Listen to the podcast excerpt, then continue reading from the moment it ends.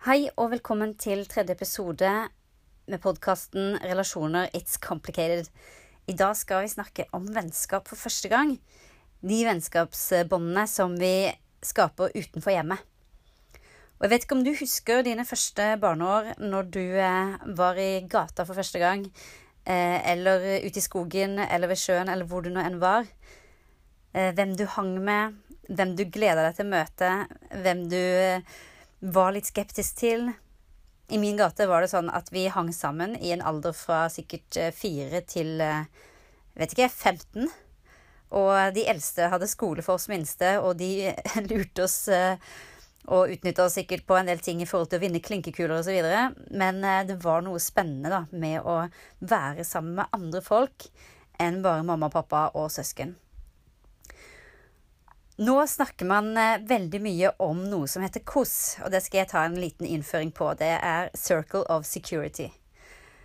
Både i barnehager og på skole så snakker man om dette med foreldre og det å skulle være en trygg havn for barna sine.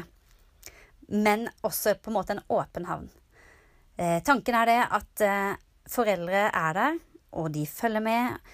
Og de sender barna litt ut, men de er på en måte i sånn passe avstand, sånn at barna kan snu seg tilbake og liksom OK, er dette trygt? Er dette innafor? Og hvis de trenger trøst, eller er usikre på noe eller er redde, så kan de liksom komme tilbake igjen for å få trøst eller få oppmuntring til å fortsette å gå ut videre og prøve seg. I f.eks. det å leke med noen for første gang. Og så er det jo eh, Allerede her så dukker jo den der eh, instinktet opp som er, i større grad er morsinstinkt enn farsinstinkt.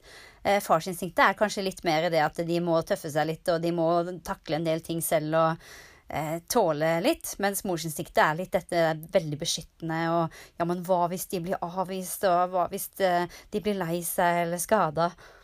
Eh, og noen ganger der så kan det jo bikke litt på at vi tenker at ja, men vet du hva, vi skal heller eh, Vi skal være med deg, og vi skal være med deg, og vi skal være med deg. Og vi skal spørre for deg, sånn at du slipper kanskje den følelsen å bli avvist. Samtidig så er det jo nettopp i de situasjonene hvor de vil lære seg det å måtte ta imot et nei iblant.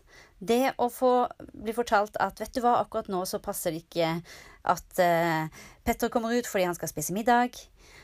Og så kan vi være den trygge havna som tar det imot, og som tolker ting for dem ved å fortelle at ja, vet du hva, det var jo ikke det at han ikke ville være med deg, men det var det at akkurat nå var det middagstid. Og disse erfaringene er veldig nyttige når det gjelder å skulle bygge relasjoner senere i livet.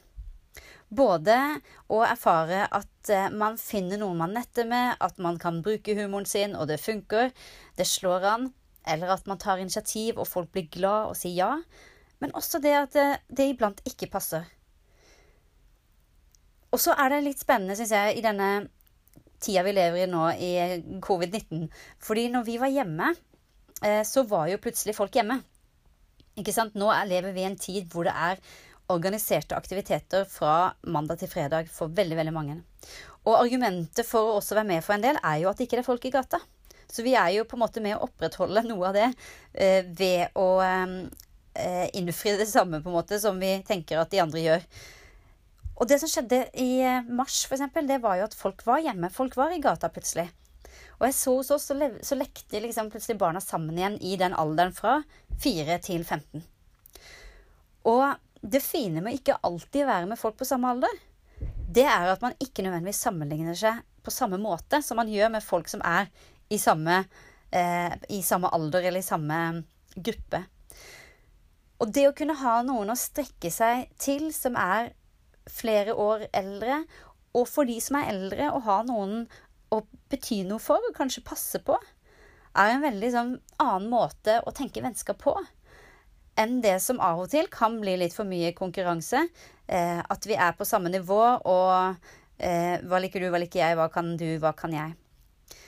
Så jeg syns det var en spennende tid å observere dette med vennskap, i hvert fall når det gjaldt mine barn, og så at det så annerledes ut enn når den hverdagen som er organisert og som er aldersinndelt, eh, er til stede. Og så skjedde det også at de ble mer utfordra på f.eks. å ringe på eh, og ta initiativ. Og det hadde i hvert fall han minste hos oss ikke gjort noe særlig før. Men plutselig så, så han at de andre gjorde det, og så tok han etter dem. Det som jeg ser min hverdag på folkeskolen på Solborg i Stavanger, det er at veldig mange er blitt meget passive når det gjelder det å ta initiativ. De er vant til at ting organiseres for dem, og de venter på en måte på at vi skal underholde dem, eller at noen skal dra i gang noe. Men de tenker ikke på at de sjøl kan ta det initiativet.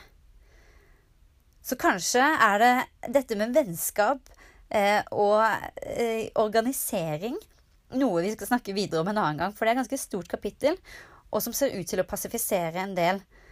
Eh, og at de mister en del viktig sosial trening, og også forståelse av nettopp ja og nei. Det passer nå, det passer ikke nå. Enn eh, en hvis man bare på en måte kommer til dekka bord hele tiden, og alt er klart og, og gjort ferdig for deg. da. Og så har jeg også lyst til å si litt om dette her med vennskap for første gang i forhold til å finne sin plass.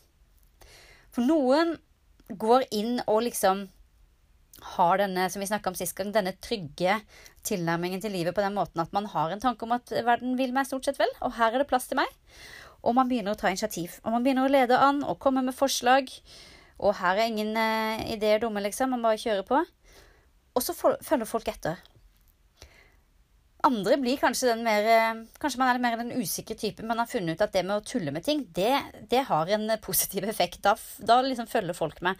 Så kanskje liksom blir man veldig tidlig den der litt klovnen som finner på de rare tingene, eller kanskje de ikke helt eh, bra tingene. Men det skaper i hvert fall oppmerksomhet. Man blir sett, så man får en bekreftelse på at man gjør en forskjell. Da. Eh, at folk syns det er gøy å være med en. Og så kanskje starter det allerede der at du får den rollen. Eller kanskje har du kjent veldig på allerede dette her med å være litt mer utrygg og følge litt med på hva de andre gjør først, for så å finne ut hvilken plass du skal ta, så du blir mer den som bare dilter etter. Eller som andre kanskje fort bestemmer litt over. Kanskje har du ikke lært så mye om det å si ifra, og det å si din mening. Og plutselig kan det bli et mønster i hvordan du er som venn. At du fort lar andre bestemme, at du ikke uttrykker din egen mening eller din egen vilje. Fordi da er du kanskje usikker på om det er plass til deg i den gjengen.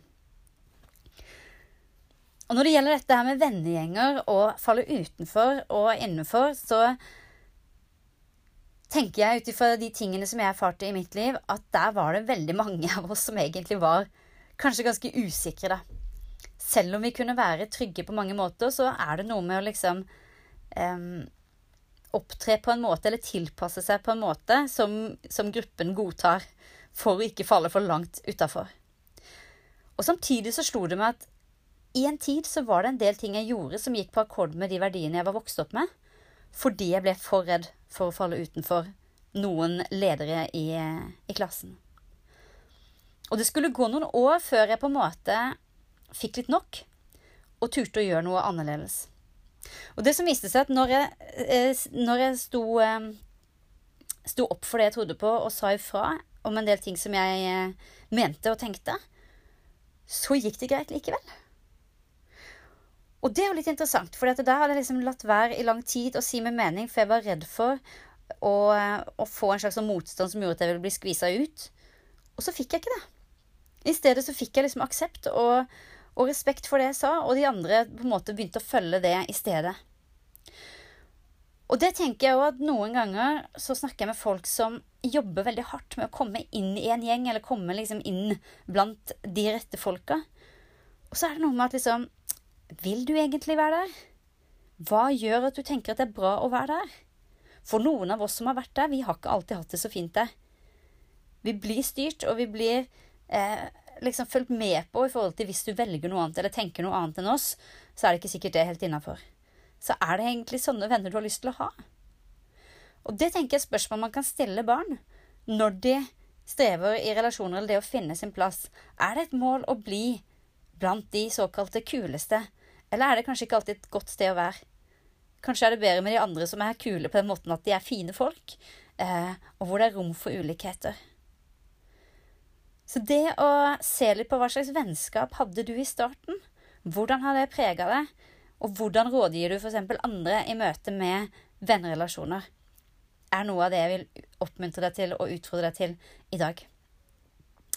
Og så ønsker jeg at du skal legge en kommentar om ting du syns har vært nyttig, og jeg håper at du også vil sende meg en mail på guro.samtaleverkstedet.no med innspill på ting du kan tenke deg å høre mer om, eh, eller som du tenker at dette her burde du snakke om i dag, for det hadde passa perfekt. Så send meg gjerne en melding der. Og så ønsker jeg deg lykke til i det du tar ansvar for i de relasjoner du står i. Vi snakkes.